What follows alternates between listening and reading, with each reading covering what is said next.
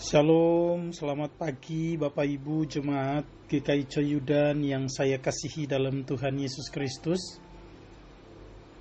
Dan juga saya menyapa semua pembaca dan pendengar renungan harian GKI Coyudan di mana pun kita berada. Kita patut bersyukur kepada Tuhan karena pemeliharaan dan cinta kasihnya sungguh nyata di dalam kehidupan kita.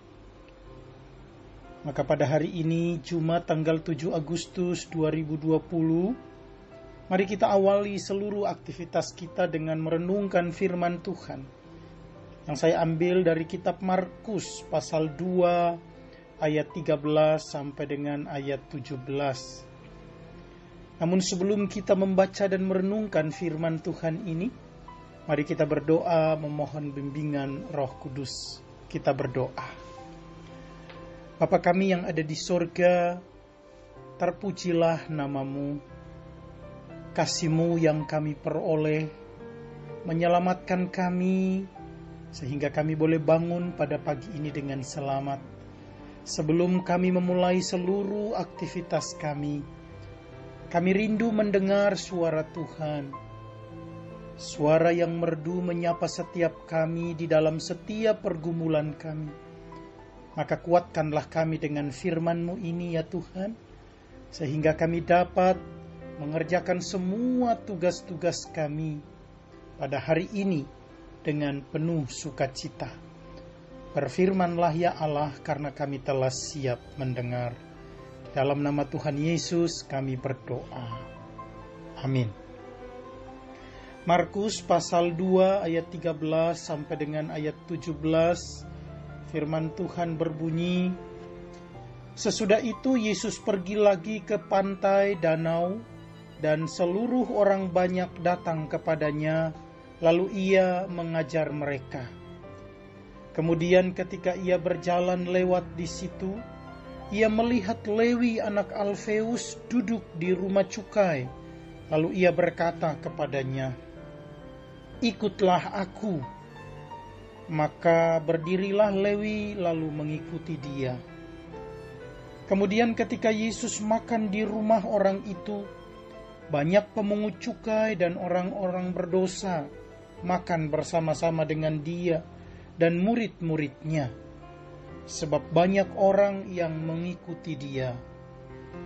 Pada waktu ahli-ahli Taurat dari golongan Farisi melihat bahwa ia makan dengan pemungut cukai dan orang berdosa itu, berkatalah mereka kepada murid-muridnya, "Mengapa ia makan bersama-sama dengan pemungut cukai dan orang berdosa?"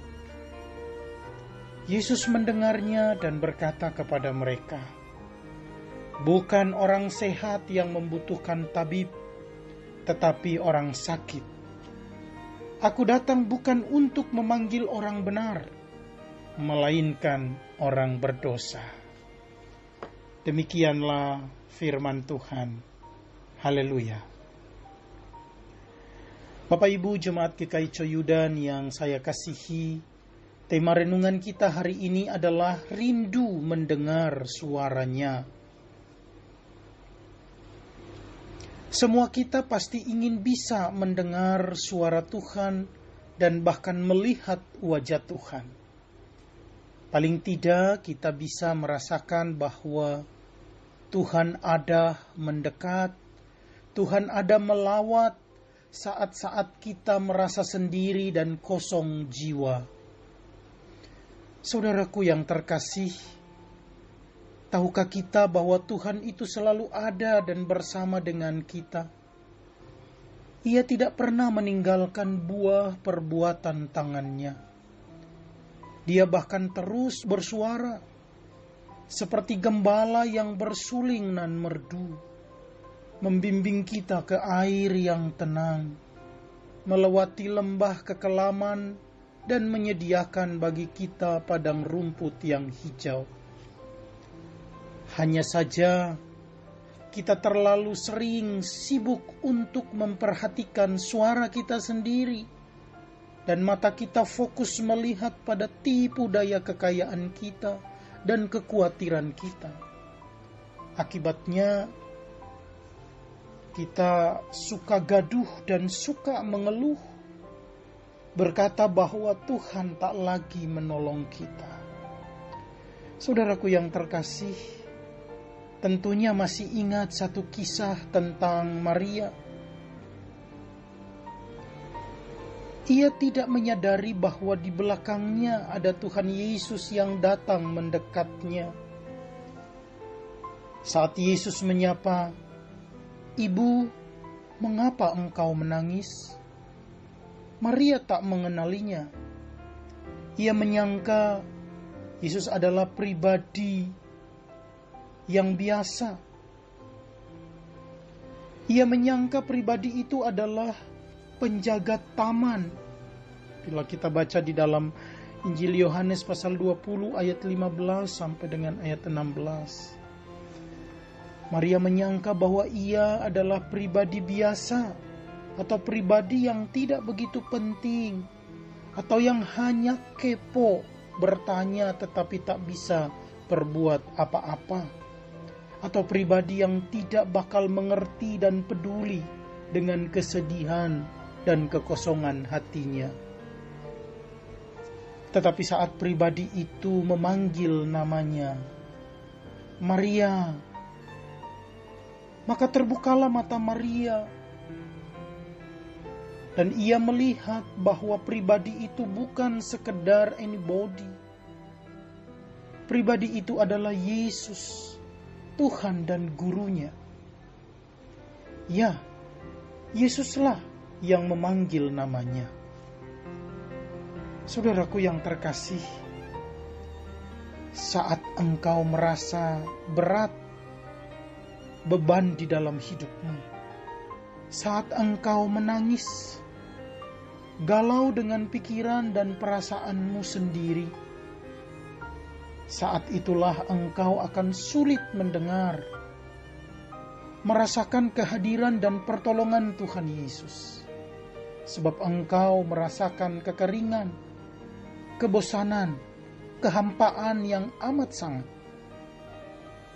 Engkau tidak dapat lagi melihat kehadiran pribadi lain kecuali dirimu sendiri. Bahkan pribadi Yesus yang hadir pun tak kau sadari. Di saat seperti itu, engkau membutuhkan keteduhan hati. Silent and listen. Hanya dalam tinggal diam, kamu akan diselamatkan. Dalam tinggal tenang dan percaya, terletak kekuatanmu. Bisa kita lihat di dalam Yesaya 30 ayat 15. Ya, diam dan jangan gaduh, sebab hanya dalam keheningan seluruh lintasan kegalauan pikiran akan meredah dan engkau akan mulai mendengar dengan jelas suara Tuhanmu memanggil namamu peduli akan syarat beban pikirmu. Terpujilah nama Tuhan Yesus Kristus. Amin. Mari kita berdoa. Kami bersyukur kepadamu ya Allah atas cintamu, atas kasih dan pertolonganmu di sepanjang hidup kami. Kami akan segera memulai seluruh aktivitas kami. Kami mohon Tuhan tolong kami dalam kelemahan kami, dalam ketidakberdayaan kami Tuhan beri kekuatan kepada kami, agar kami dapat mengerjakan semua tugas kami hari ini untuk memuliakan nama Tuhan. Kami berdoa untuk penata layanan gereja kami. Biarlah Tuhan senantiasa menyertai kami agar setiap program kerja dapat kami kerjakan dengan penuh sukacita kami juga berdoa untuk seluruh aktivis gereja dan jemaat GKI Coyudan, di mana pun berada. Tuhan lawat semuanya. Tolong beri kekuatan kepada kami. Di masa pandemi ini, membuat kami putus asa. Bahkan mungkin ada yang sedang undur imannya.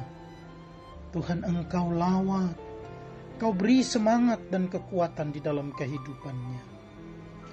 Kami juga berdoa, biarlah Tuhan pulihkan ekonomi bangsa kami, ekonomi keluarga kami.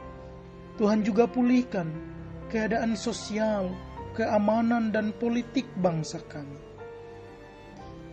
Agar bangsa ini boleh hidup rukun dan damai, saling berdampingan, saling menghargai antara pemerintah dan masyarakat. Biarlah kami hidup di dalam takut akan Tuhan. Kami serahkan pemerintah kami di dalam tangan kuasa Tuhan. Berkati dan lindungi mereka. Kami juga berdoa untuk para medis.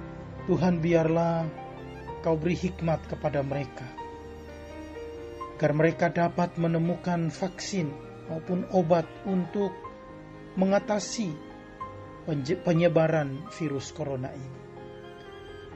Bagi saudara-saudara kami yang sakit, di mana pun mereka dirawat, apa pun pergumulan mereka, Tuhan tolong jamah hidup mereka, beri ke kekuatan, beri semangat kepada mereka.